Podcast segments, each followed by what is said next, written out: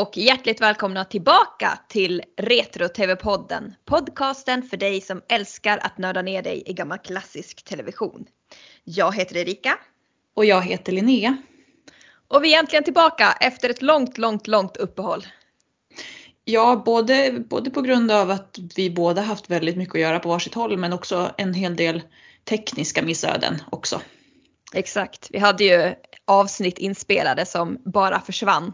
Precis, så nu, nu ska vi försöka eh, med en ny start här och förhoppningsvis så eh, känns det ungefär som innan. Kanske till och med bättre för att vi är nya och fräscha i huvudet nu. Exakt, och ett och ett halvt år äldre och visare. Precis. Men i alla fall, vad ska vi hugga tag i idag Linnea? Vad är det för spännande som vi ska prata om? Jo men idag så ska vi ju ta tag i en sån här riktig svensk tv-klassiker, nämligen Svenska hjärtan.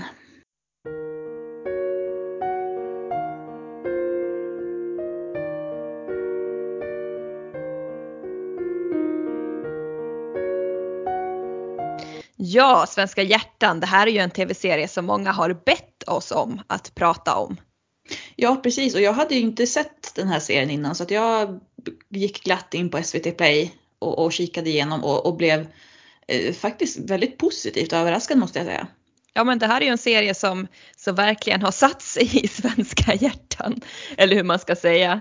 Den har satt sig i den, i den svenska folksjälen och var väldigt uppskattad på sin tid och är ju en serie som många fortfarande pratar om än idag.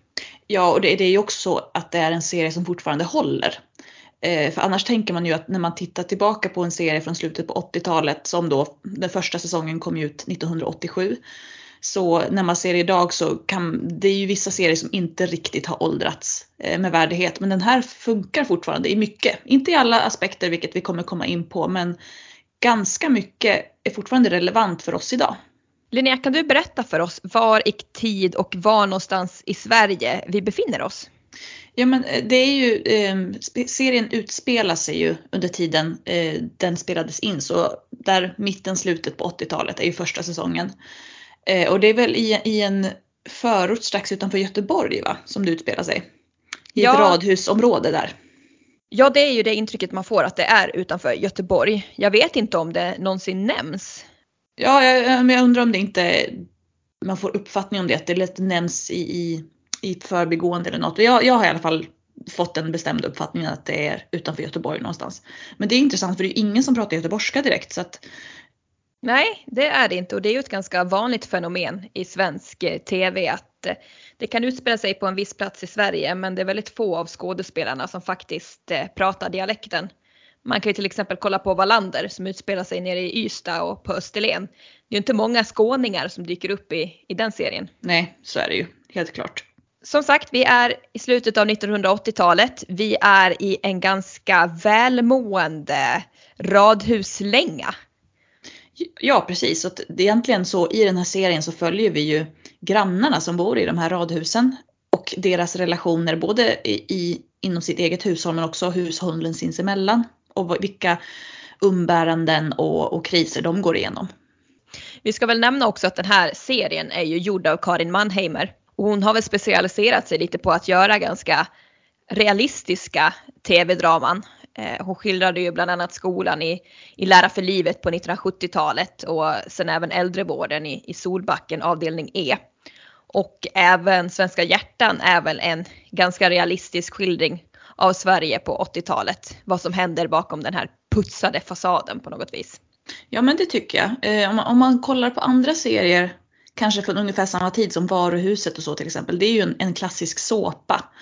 Eh, men den här, den här serien är ju som sagt väldigt realistisk. Det är väl därför den fortfarande håller också för att just till exempel tv-såpor eller vissa dramer och sånt dateras ju väldigt snabbt eller får vissa tråper som känns relevant just för den tiden.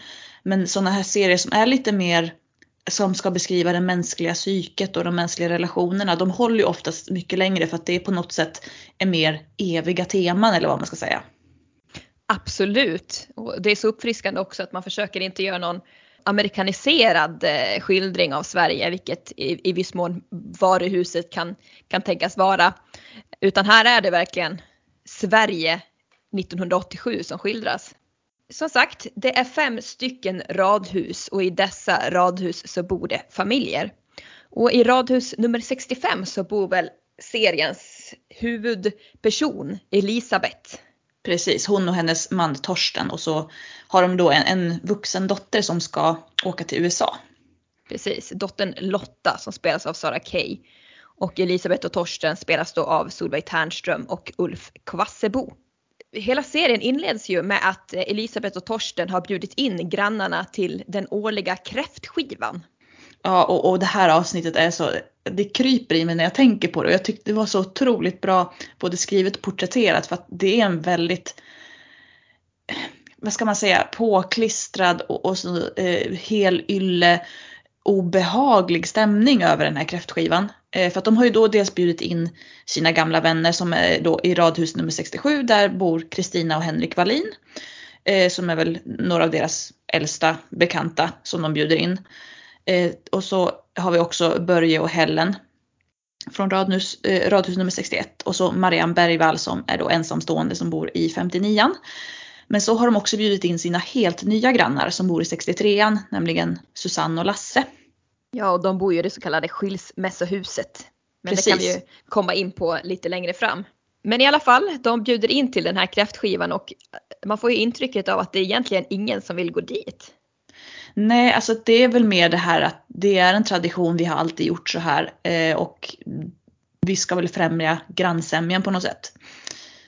Precis, det är en inarbetad rutin. Eh, på något vis den här välmående svenska medelklassen känns ju som att den går mycket på rutin att det här är det man ska göra på något vis och ingen tar hänsyn egentligen till sina egna känslor och vad man vill utan man puttrar på i samma hjulspår för att det är det man ska göra och det är det som förväntas av en på något vis. Ja, det är väl därför också som Susanne och Lasse kommer över och det, dels för att de har ju fått den här inbjudan så då kommer man ju dit men också det att de är ju nya i området och de vill man kanske vara på god fot med sina nya grannar. Och bara det här med att de verkar ju inte ha några vänner utanför de som bor i de här angränsande radhusen. Nej, och det är ju lite märkligt ehm, kan man tycka. För att eh, visserligen eh, Elisabeth, hon är ju hemmafru. Så att det, för hennes skull kanske det blir naturligt att det är just de här personerna i hennes direkta närhet som hon är, är bekant med. Men ingen av de andra eh, rollerna som åker iväg och har jobb brukar prata särskilt mycket om sina kollegor eller att de ska bjuda hem kollegorna på, på middag eller sådana saker. Det är väl egentligen bara den här Marianne Bergvall som är singel eh, mamma eller vad man ska säga som verkar ha något sorts liv utanför radhuset kan man säga. Jo men det, och det som sker under, under den här kräftskivan det är just det här som vi nämnde det här med skilsmässohuset för att och det kan man väl tycka är rätt så klumpigt men det här eh, får ju Lasse och Susanne veta så fort de kommer hit att oh, det är ni som har flyttat in i skilsmässohuset. Eh, och Susanne framförallt, det är hon som blir lite eh, förbryllad och undrar vad de menar och det är ju så att alla par som har bott i det huset har skilt sig.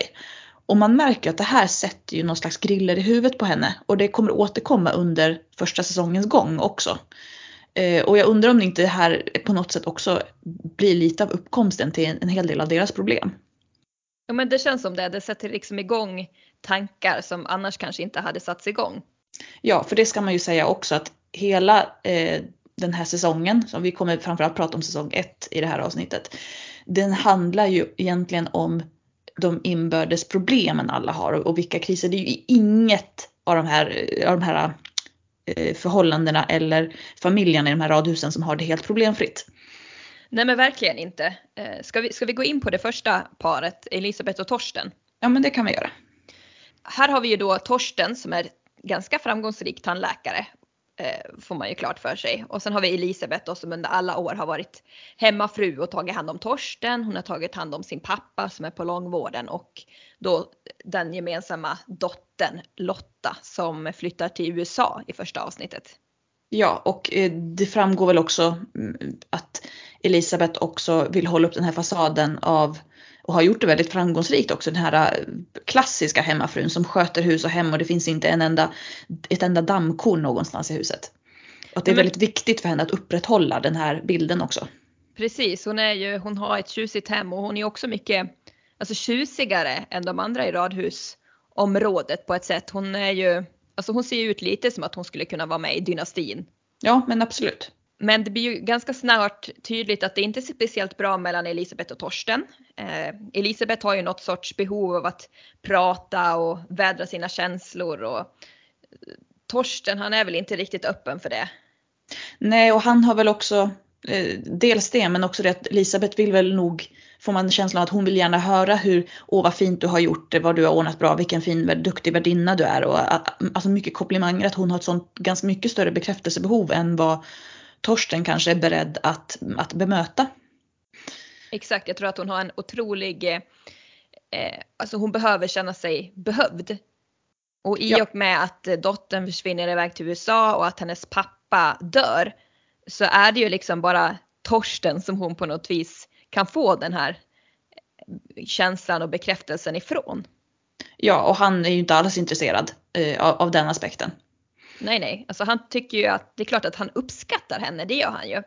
Men han är ju inte där känslomässigt och ger henne komplimanger och sådana saker utan han räknar ju med att hon ska vara där och, och sköta grundservicen och ta det för givet. Ja, och det här framkommer väl också under den här kräftskivan. Eh, eh eller att den här fasaden spricker lite. Inte kanske gentemot grannarna men, men eh, vi som tittare ser ju att, att eh, Elisabeth knappt klarar av att hålla ihop det här längre. Ja men precis. Och det här är någonting som jag har sett i många andra tv-serier från just den tiden. Och i karaktärer som är där sena 40-årsåldern, alltså födda på 30-talet och barnen har blivit stora och man har gått in i en annan tid. Det är inte längre självklart att kvinnan ska stanna hemma utan de flesta kvinnor går ju ut i arbetslivet på 70 och 80-talet. Så att det här är på något vis en, en rest av en gammal värld och de börjar liksom frigöra sig på ett annat sätt också och ifrågasätta lite sina, sina val. Ja men exakt. Eh, och för Elisabeth så blir det ju så otroligt tydligt då, precis som du sa, när både Lotta försvinner och hennes eh, pappa dör. Att vad har jag för plats nu? Eh, vad, ska jag, vad ska jag ha för plats i framtiden när det inte längre egentligen finns någon hemmafruroll för mig att, att ta tag i? Så där har vi alltså Elisabeth och Torsten. Och sen har vi i huset intill Henrik och Kristina.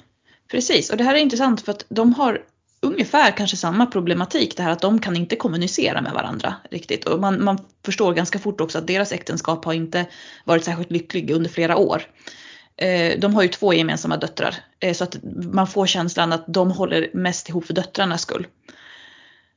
Ja absolut. Jag, alltså jag, utåt sett så tycker jag nästan att Henrik, Henrik och Kristina har ett värre äktenskap än vad Elisabeth och Torsten har. För att eh, Henrik och Kristina de är liksom kalla och cyniska mot varandra och äh, det är eh, väldigt kärvt där. Mm, och i det här fallet så har vi också, till skillnad då från Elisabeth och Torsten, så har vi ju ett par där båda två arbetar. Um, så att det, det, är intressant just att det är egentligen samma problematik fast det är helt olika typer av, av, av förhållande och parkonstellationer. Eh, men, men det framkommer väl lite senare i, i säsongen också att Kristina har väl haft något förhållande vid sidan av för några år sedan. Eh, så att deras äktenskap har varit mer eller mindre dött ganska länge. Ja, och man kan ju säga att Henrik är ju väldigt, eh, alltså han är ju tungsint av sig. Och han har liksom lite svårt att se meningen med någonting. Och Kristina är, hon är mycket hårdare på något vis i sitt psyke och går på och är inte ja, hon öppnar ju inte upp sig själv utan hon är ju någon sorts robot som kommer med ganska elaka stick och, och sådana saker. Ehm, så att eh, där är det kanske Henrik som behöver bekräftelse och Kristina ger honom inte det. Medan i Torsten och Elisabeths fall så är det Elisabeth som behöver bekräftelse. Precis, jag, jag kommer tänka på en scen i ett avsnitt där eh, Henrik kommer, jag tror han kommer och väcker Kristina för hon har gått och lagt sig eh, och så vill han prata och, och hon blir först så väldigt förbryllad och, och, faktiskt lite orolig tror jag. Och så berättar han om sin dag och Henrik är ju en högstadielärare, han är lärare i alla fall. Ja, jag tror att båda är lärare va? Ja, så kan det vara. Ja, det stämmer nog. Eh, men, men Henrik har i alla fall haft eh, nästan, han berättar att han har haft som en utomkroppslig upplevelse. Att han skulle gå till klassrummet och ha, ha lektion och när han är på väg in så, så kände han en, en sån enorm känsla av att jag klarar inte av det här, jag kan inte gå in här. Så han gick tillbaka till personalrummet och sen gick han och, eh, och, och sjukskrev sig för dagen. Och det är en ganska, han är ganska utlämnande här och, och verkligen blottar sig själv och att han på något sätt äh, inte ser någon mening med livet längre. Näst, näst, det är nästan så pass tungt. Och Kristina svarar någonting i stil med att Henrik, det finns faktiskt folk som har betalt för att lyssna på sånt här. Jag gick ner och anmälde mig sjuk. Jag sa att eh, jag hade någon jävla förkylning på gång. Så åkte jag hem.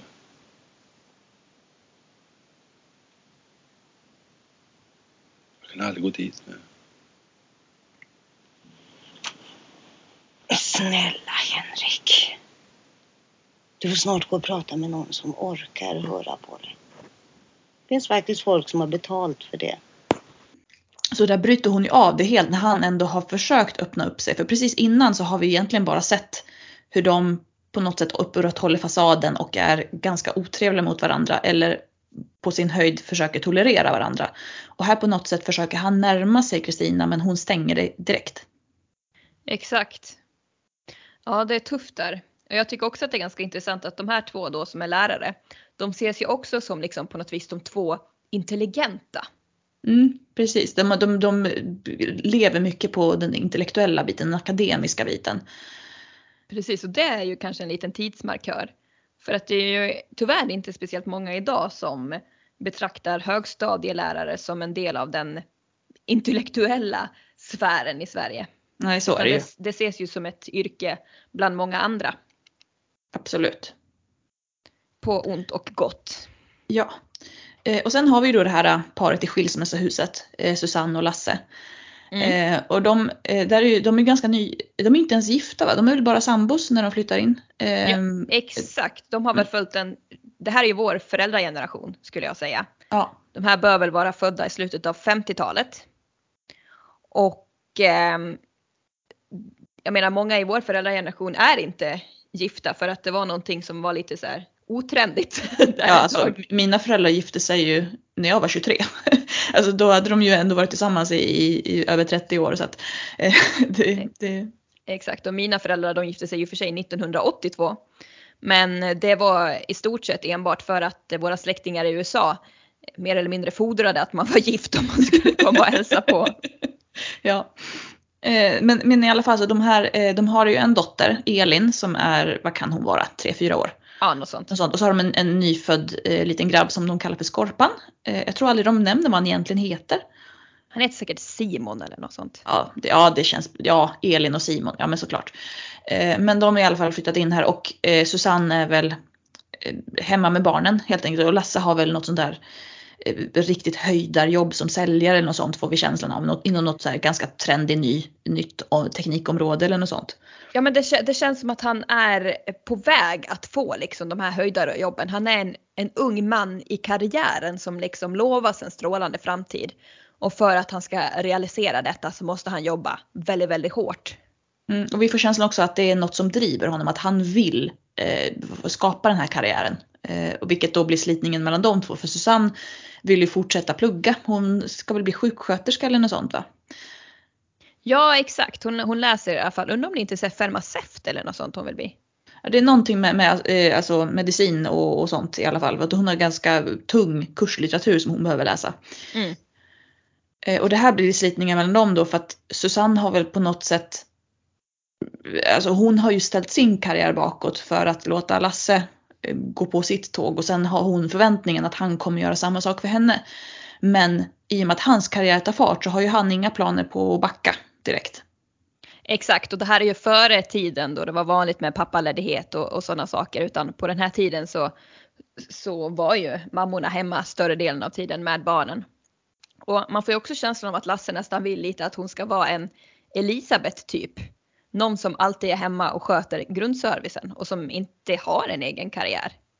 Nej, och det, man får väl känslan också att, att just i och med att han sätter sin karriär så pass högt. För att det är ofta de argumenten han använder att men tror du jag vill åka iväg så här mycket? Jag gör ju det här för er skull. Att han på något sätt, även om man kanske inte är medveten om det själv, men han försöker ge henne dåligt samvete för att hon på något sätt vill ta tag i sin karriär också. Mm.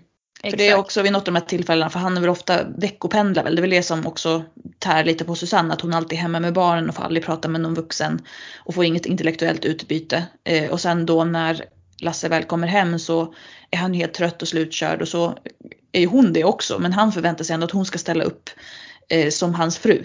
Eller som hans sambo. Eh, och så blir det jättemycket slitningar mellan dem på grund av det. För att hon inte orkar ha sex till exempel. När han vill det. För att han har ju varit borta hela veckan och längtat efter henne. Och då tar han det som att men då har du inte längtat efter mig. Exakt, hon har ju bara varit hemma.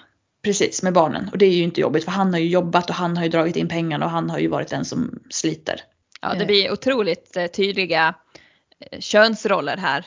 Eh, Och några alltså könsroller som också höll på att utmanas väldigt mycket där under 80 och speciellt skulle jag tro under 90-talet att det här tog fart.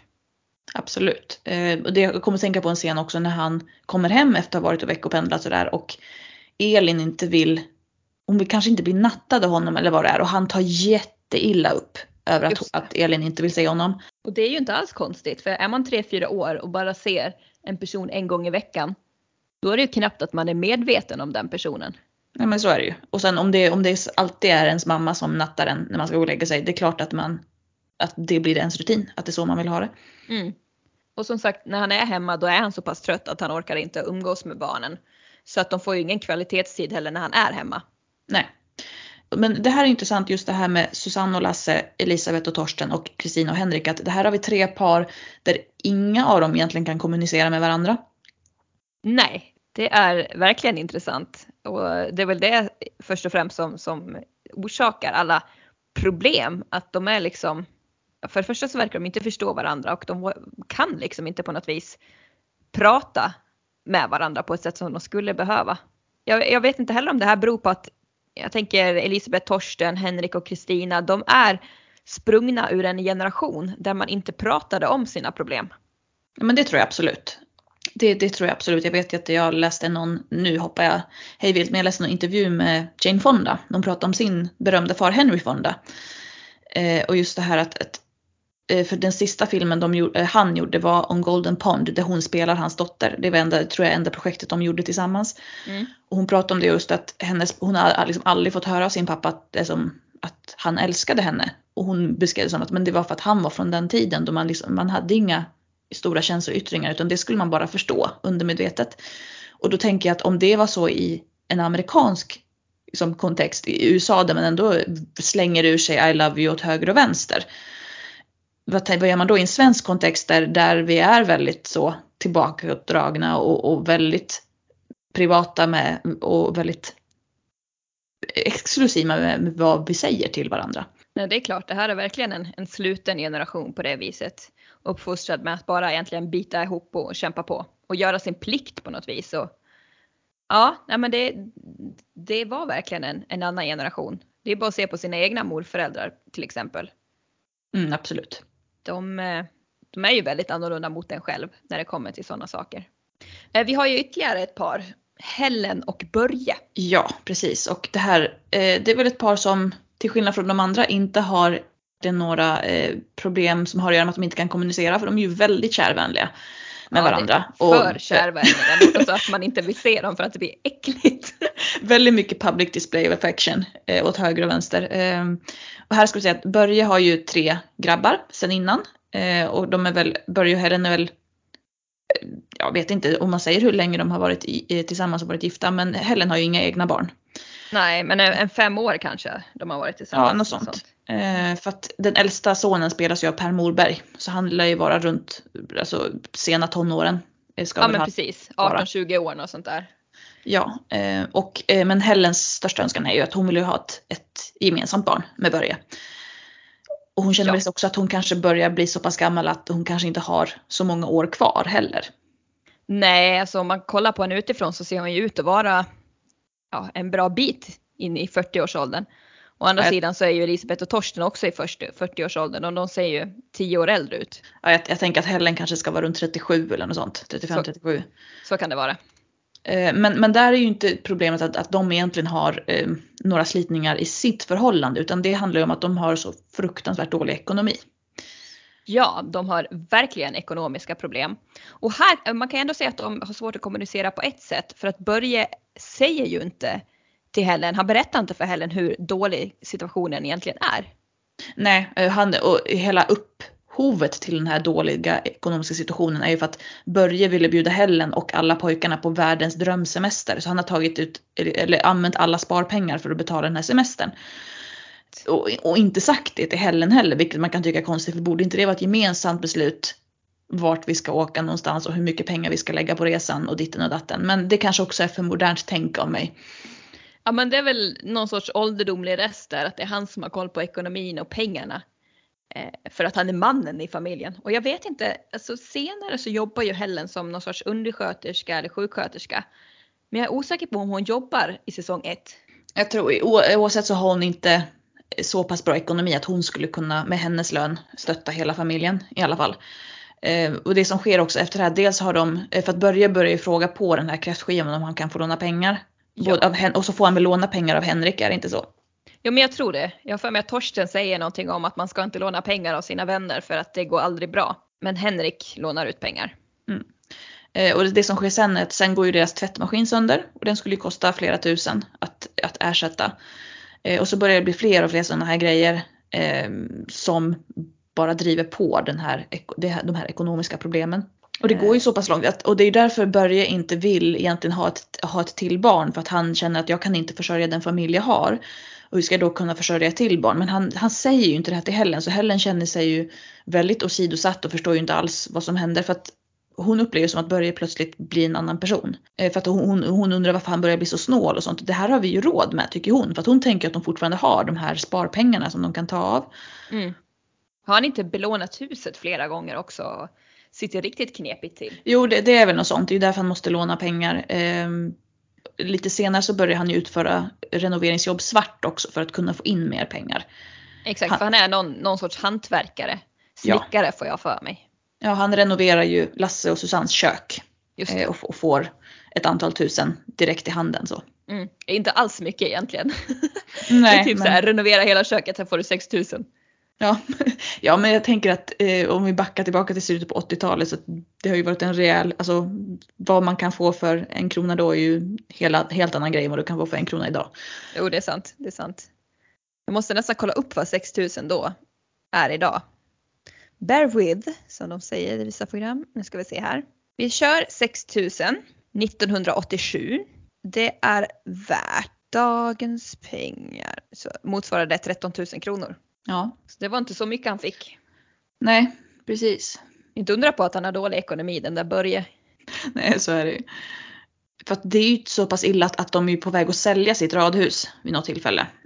Um, det här, jag tror till och med att de berättar om det här för, för sina grannar på, om det är på nyårsafton eller något sånt att de kommer, de berättar att vi kanske inte bo, eller vi kommer inte bo kvar här nästa år. Och det blir ju alla väldigt ledsna över. Många av de här paren verkar ju ha flyttat in ungefär samtidigt.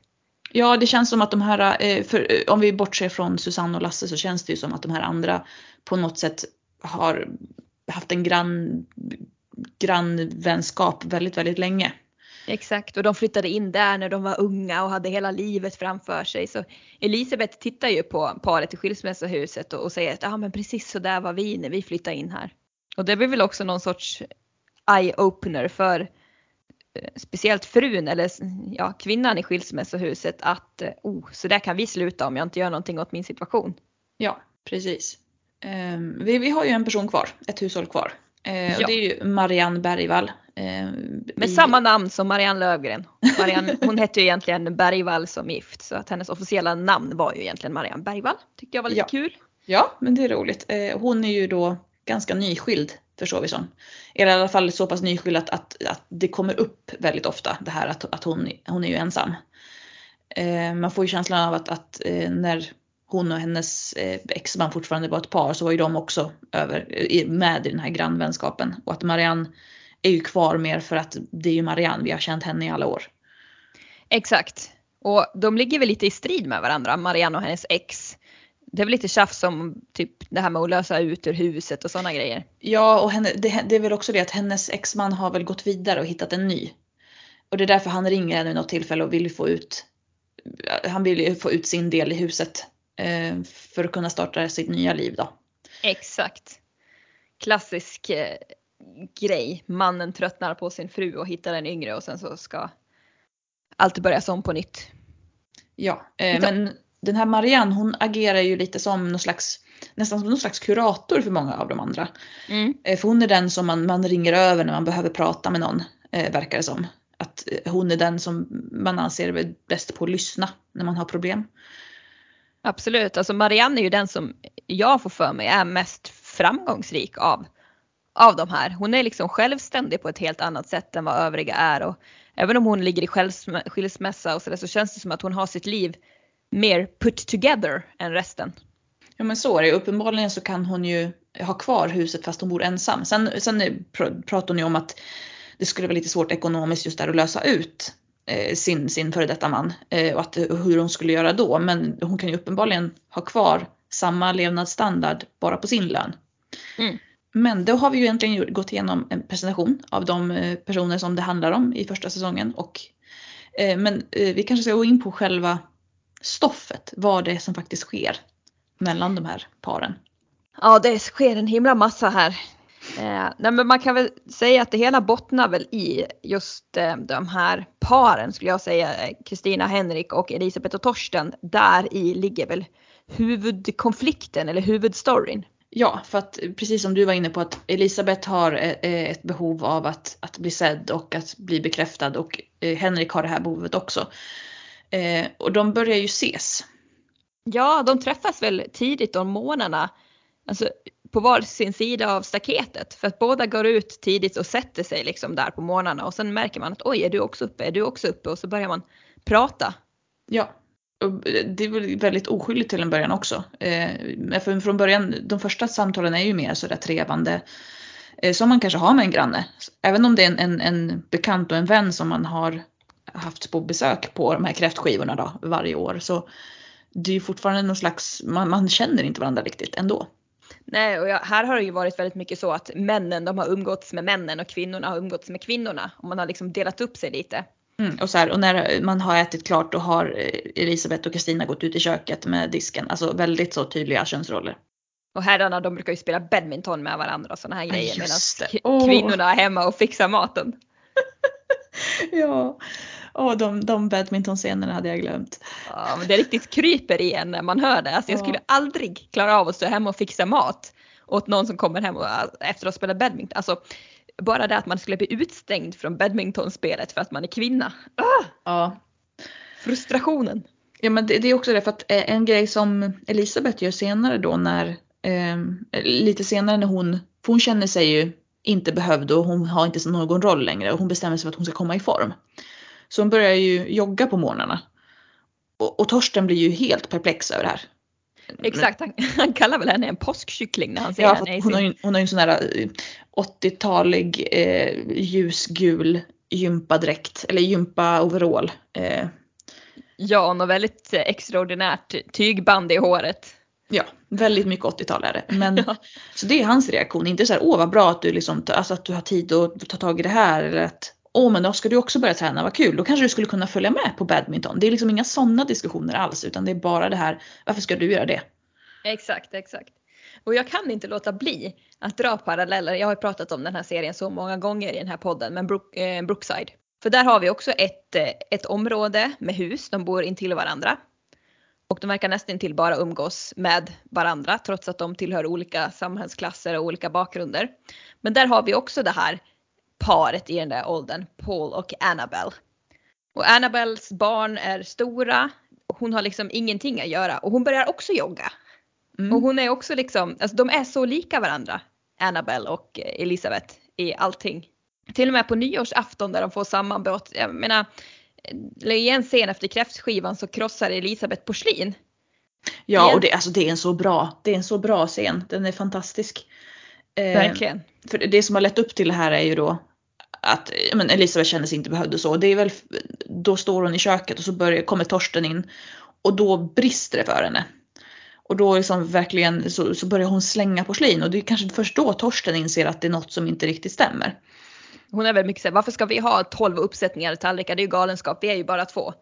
Ja precis. ska ha 20 glas av det här? Vi är ju bara två. Två tallrikar. Två stycken tallrikar. Det är ju vad du och jag behöver. Vi behöver ju ingenting mer. Och så två glas.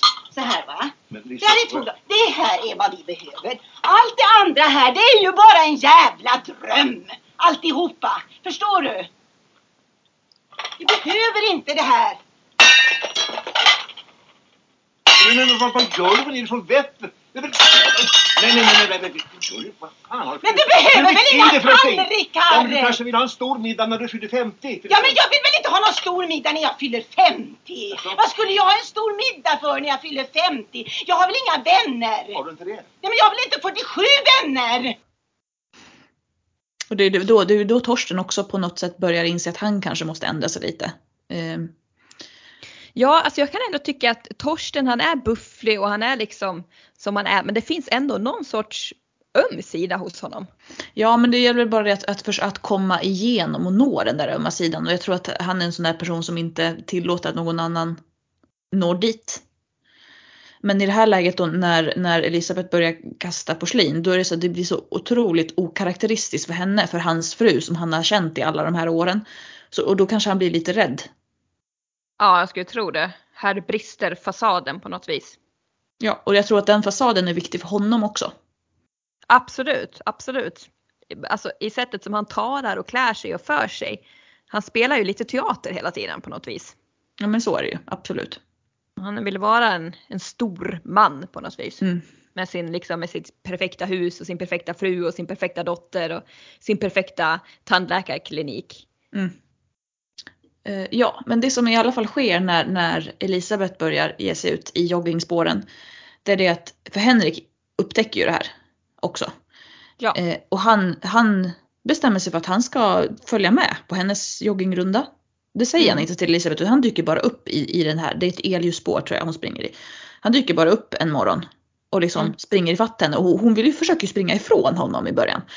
Eh, Ja, hon är ju inte helt bekväm med honom i början för hon har ju, alltså det intrycket man får är att hon har aldrig tyckt riktigt bra om honom.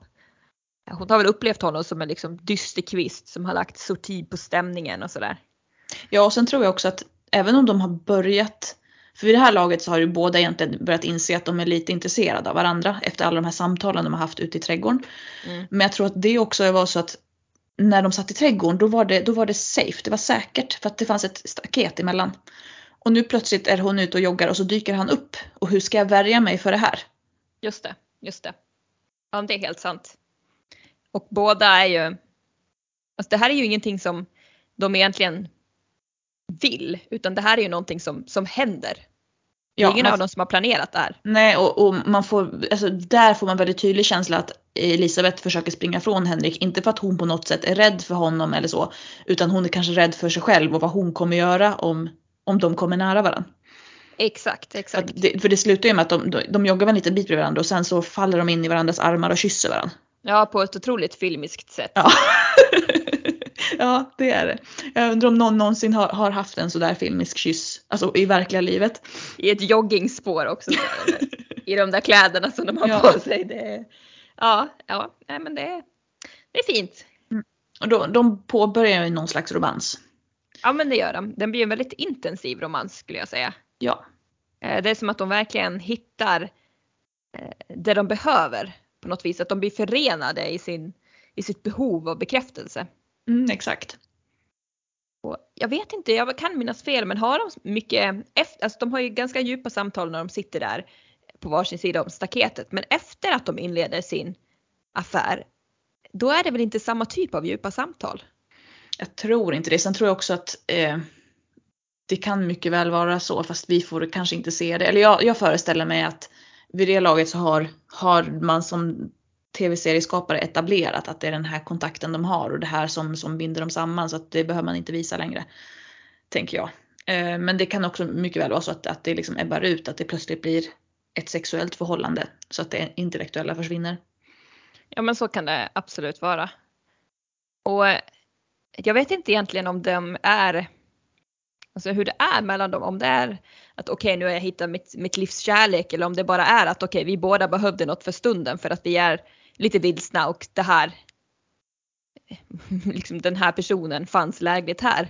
Alltså det framkom inte riktigt heller skulle jag säga i, i den här säsongen. För att det, det som sker är att ehm, på något sätt den här affären fortsätter och så- det kulminerar ju på något sätt på nyårsafton.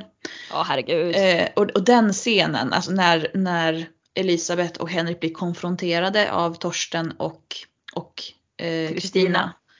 Det kan vara en av de bäst skrivna scenerna och bäst agerade scenerna i, i svensk tv-historia tror jag. Ja den är väldigt väldigt bra. Och, Och eh, väldigt obehaglig.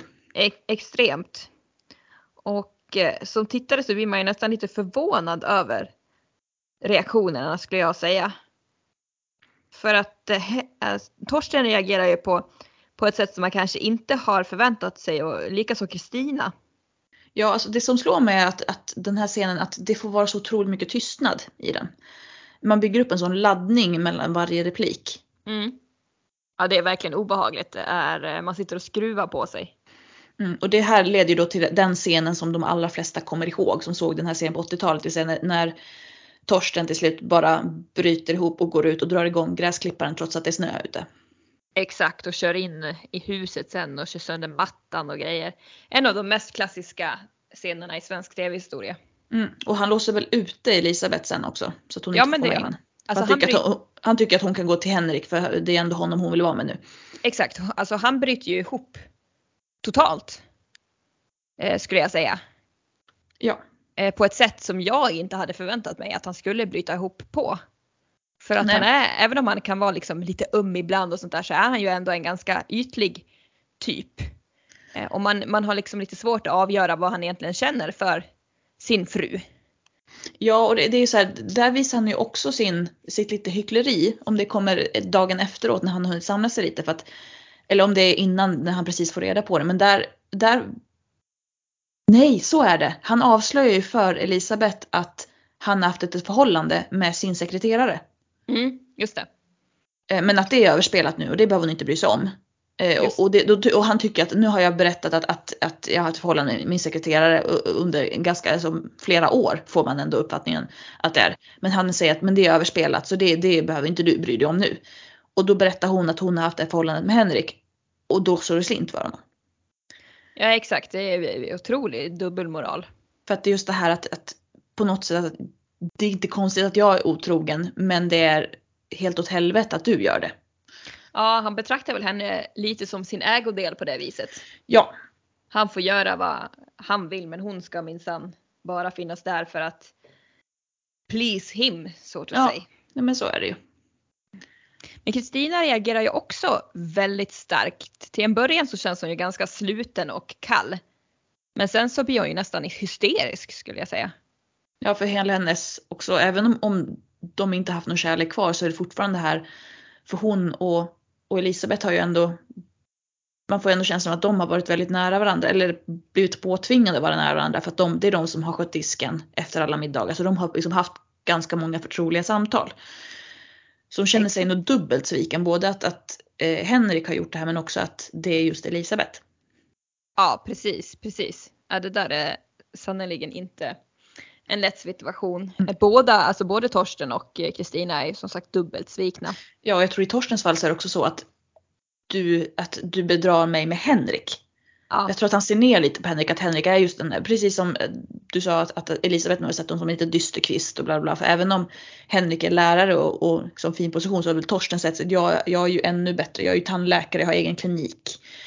exakt. Och han är lite liksom tjusigt klädd och har lite mer flärd på något vis än vad Ja, eh, Henrik har som är lite mer grå och ja, lite tråkig. ja. Ja men lika, liksom eh, Elisabeth är uppklädd så är ju även Torsten uppklädd liksom. Eh, Men det som sker efteråt, eh, det här, för att på nyårsdagen då, när, när de vaknar upp, så är ju Torsten så här, men varför har du inte redan flyttat? Du kan väl flytta ihop med Henrik? Elisabeth är väl lite egentligen beredd på att lämna Torsten. Eh, Och, och, ja just det. och, tro, och tror väl att, att Henrik kan tänka sig det också. Ja. Men han avger inte han någon sorts löfte eller något sånt där och lovar att han inte ska lämna Kristina? Jo, det är väl att han och Kristina har väl sitt första förtroliga samtal på evigheter. Ja, just det.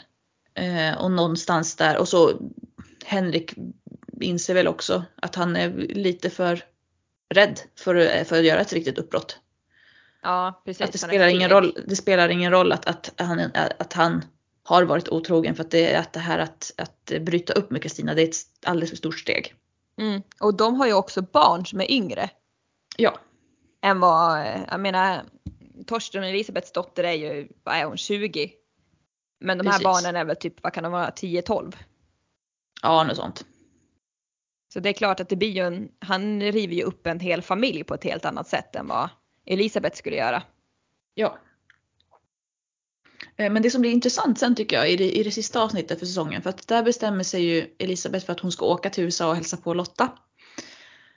Och, där, och där är Torsten mycket mer tillbakadragen, alltså så här att han på något sätt har accepterat, eller på något sätt, det känns som att han är glad över att hon har valt att stanna kvar hos honom.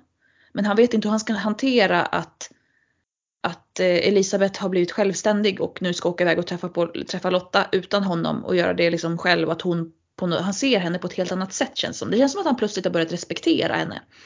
Ja, på något vis så känns det som att han blir lite, ja ska man säga, nyförälskad i henne. Att han ser en ny sida av henne och blir lite så här, wow. Mm, så att- Även om han så att- kanske inte visar det. Men eh, Nej, precis.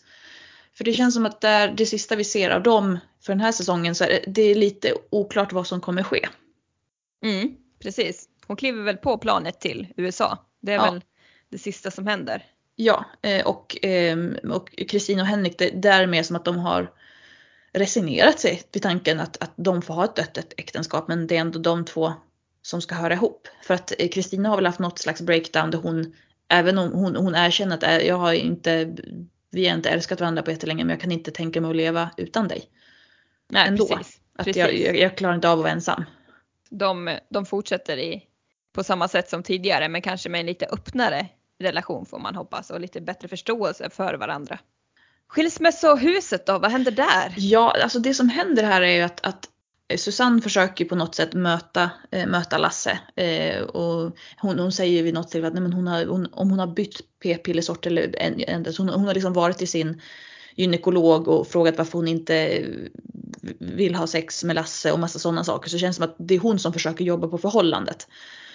Eh, och det, det finns ju en jätteintressant scen där hon, hon och Elisabeth sitter och pratar i, om det är Elisabeths kök. Eh, och på något sätt så ser Elisabeth sig själv i, i Susanne. För Susanne börjar väl prata då om att hon kanske ska ge upp det här med sj- sj- eh, karriären och det ett tag. För det är ju nämligen så att Lasse har ju fått ett erbjudande om ett jobb i Düsseldorf. Just det, just det. Eh, och eh, det innebär att de behöver flytta dit. Och då kan ju Susanne inte fortsätta eh, med plugget. Det här är ju på en tid också då det, inte, det, det är inte möjligt att göra det på distans. Helt enkelt. Eh, utan Mm. då hon, hon är väl ansluten till ett visst universitet eller högskola får man väl tänka. Eh, och vi får se en scen då när Susanne och Elisabeth sitter och, och pratar. För Elisabeth har väl, har väl ställt upp på att vara barnvakt åt Elin. Ja just precis. för att Susanne ska ha möjlighet att kunna plugga för att hon får ingen, ingen studiero med barnen hemma. Exakt, Eh. Elisabeth är ju snabb att erbjuda sig. Jag tror ju Ja. redan första kvällen de träffas så vill ju hon gå och titta på barnen och ta hand om den här allra yngsta. Ja, just för att eh, känna sig behövd och ha något att göra nu när, när Lotta har flyttat. Och Susanne blir ju jätteglad över det här just för att hon ska få möjlighet att kunna studera. Men sen vid något tillfälle då när de har ett förtroligt samtal så berättar ju Susanne att Lasse har blivit fått erbjudande i Düsseldorf och eh, jag tänker följa med. Jag kan ju Mm. plugga senare. Jag tror att hon säger någonting sånt och man ser på Elisabeths reaktion att hon inser att det, så här kommer det inte bli. Nej precis, precis. Och säger inte Susanne också vid något tillfälle att hon nästan vill gå på kurs hos Elisabeth för att lära sig sånt som Elisabeth kan? Ja, hon tycker att Elisabeth är så otroligt duktig på, på allt det här med, med liksom bjudningar och allt sånt. Sköta hushållet. Precis. Och E- Elisabeth är väl liksom lite tvärtom att nej men jag kan ju ingenting. Du måste ju studera. Ja, precis. Eh, mm, och det, allt det här slutar egentligen med i sista avsnittet att eh, Lasse och Susanne gifter sig. Och, Mm. sen ska de, sen, och sen ska de flytta iväg till Düsseldorf. Eh, och Elisabeth inser väl att Susanne har gett, gjort samma misstag som hon själv gjorde när hon var ung och gett upp hela sin, sin karriär. Ja, och sig Eh, själv. Ja, och vi får också känslan att Susanne väljer det här delvis för att hon vill inte vara en av de som drabbas av skilsmässohusets förbannelse. Nej men precis. Att, att, att, att, att, hade hon aldrig fått reda på det med skilsmässohuset så kanske hon och Lasse hade gått skilda vägar eller hon hade bestämt sig för att nej men jag ska stanna kvar och plugga här, du får åka till Düsseldorf. Men Ja. då får vi ha ett, ett, ett ännu större liksom, distansförhållande. Men på något sätt att hon tänker baske mig inte bli nästa offer för, för det här skilsmässohuset. Så att jag ska, jag ska alltid visa de här grannarna att, att vi kommer inte skilja oss. Att det blir en prestige för henne. Så att eh, vi får väl se vad som sker med skilsmässohuset i nästa säsong. Ja, för vi har ju faktiskt inte sett säsong 2, 3 Nej. och 4. Så det ska bli spännande. Absolut. Så där får vi återkomma i ett avsnitt längre fram där vi avhandlar säsong 2. Ja, och det jag skulle säga också som är intressant det här med, med Lasses erbjudande i Düsseldorf. Det är för att han sitter ju på flygplatsen och ska ner på något möte. Eller om han ska iväg på sin veckopendling. Och, och så sitter han ju då, om det är någon kvinnlig kollega till honom som sitter bredvid och säger du får ju inte ge upp den här chansen. Och det är ju Anna Mannheimer, det vill säga Karin Mannheimers dotter. Ja, En väldigt, väldigt tidig insats som skådespelare. Och hon är ju väldigt mycket på honom att om du tackar nej till den här chansen så får du ingen mer chans. just det. Du, du, då, då är du liksom en död fisk, då kommer du inte kunna komma någonstans i karriären. Och det är det han använder som argument också för, eh, till Susanne, att det här är min enda chans. Mm. Du kan ju plugga senare. Så att det är väldigt mycket skuldbeläggande i, i det här förhållandet och också då en, en Susanne, alltså den kvinnliga eh, motparten i förhållandet som, som hela tiden vill vara till lags. Ja, nej det är, eh, det är ingen eh, lycklig gata det här. Nej. Sen ska man säga att det ordnar väl upp sig för, för Börje och Helen i slutändan. Det enda, det enda paret som faktiskt har ett, eh, är, är liksom fortfarande kära i varandra. Eh, Ja. De får det väl ordna, de, de har ju i alla fall möjlighet att bo kvar. Exakt, och det är väl tur. Det må- måste ju finnas några som sprider lite glädje där. Ja, och Helen berättar ju också att, eh, att, hon, att hon väntar barn. Så det är verkligen spännande att se hur det går till säsong två här. Precis. Vad kommer att hända? Kommer Elisabeth och Torsten tills, fortfarande vara tillsammans? Kommer Henrik vara vid liv? Ja, många frågor, få svar. Vi Så får är se nästa gång vi pratar om svenska hjärtan. Men vad bra! Då känns det väl som att vi har diskuterat säsong ett här. Ja men jag tror det, även om det är vissa saker man behövde rucka lite i minnet eh, för att komma ihåg och i vilken ordning allting skedde och så. Ja, vi ska väl säga att det är ju ett och ett halvt år sedan som vi såg Svenska hjärtan säsong 1. Ja, Och då spelade vi in Precis. ett avsnitt och sen eh, drabbades vi av tekniska problem så det avsnittet försvann. Så nu har vi gett oss i kast då med att spela in det igen utan att se om säsong 1. Så att nu fick vi verkligen gräva i våra minnen och eh, Linneas minne var bättre än mitt i det här fallet. ja men så är det ibland. Ehm, men det är det jag tycker som sagt som vi inledde med just det här, den här realismen som är. Eh, och den båda väl gott för framtiden tänker jag. Absolut, det är eh, uppfriskande att se den här typen av realistiska draman tycker jag. Ja, det känns ändå som att alla beslut som de här rollerna tar och alla förvecklingar att det faktiskt skulle kunna ske på riktigt. Ja, alltså jag sitter och undrar om, eh, om det här är inspelat i eh, riktiga hus eller om det är inspelat i studio. Mm, det är en bra fråga.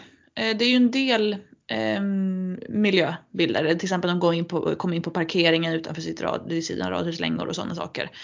I introt, det, introt är ju sådär, du vet de går från olika håll och stannar till och så zoomar vi ut. Och så den här, den här jag skulle säga nästan ödesmättade musiken som är ledmotivet eh, till den här serien. Den är Där, så där har vi i alla fall så att vissa scener, framförallt exteriörerna, är ju inspelade i ett riktigt radhusområde någonstans. För jag tänker, alltså en sån tv-serie som Hem till byn, eh, som också är en realistisk eh, skildring av eh, landsbygds-Sverige.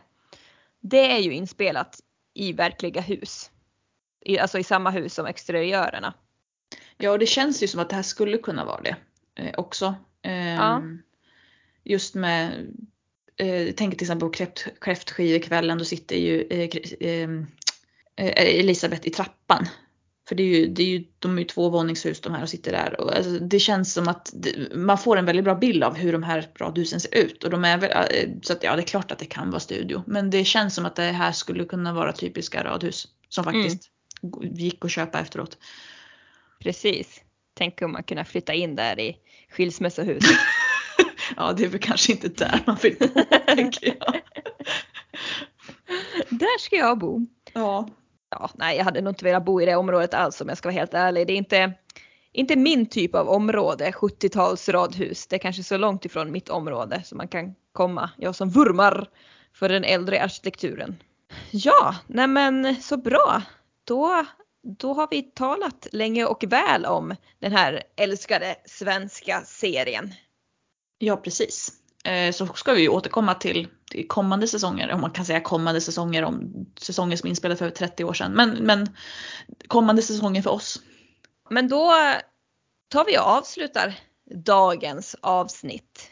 Och eh, tyckte ni att det här var trevligt att lyssna på så får ni ju hemskt gärna följa oss på Facebook och Instagram och ni får ju också väldigt gärna prenumerera på oss så att ni får upp varje nytt avsnitt i er valda poddspelare. Ja, och kom gärna med förslag på serier eller företeelser som ni skulle vilja att vi pratar om. Exakt. Just det här avsnittet är ju ett förslag.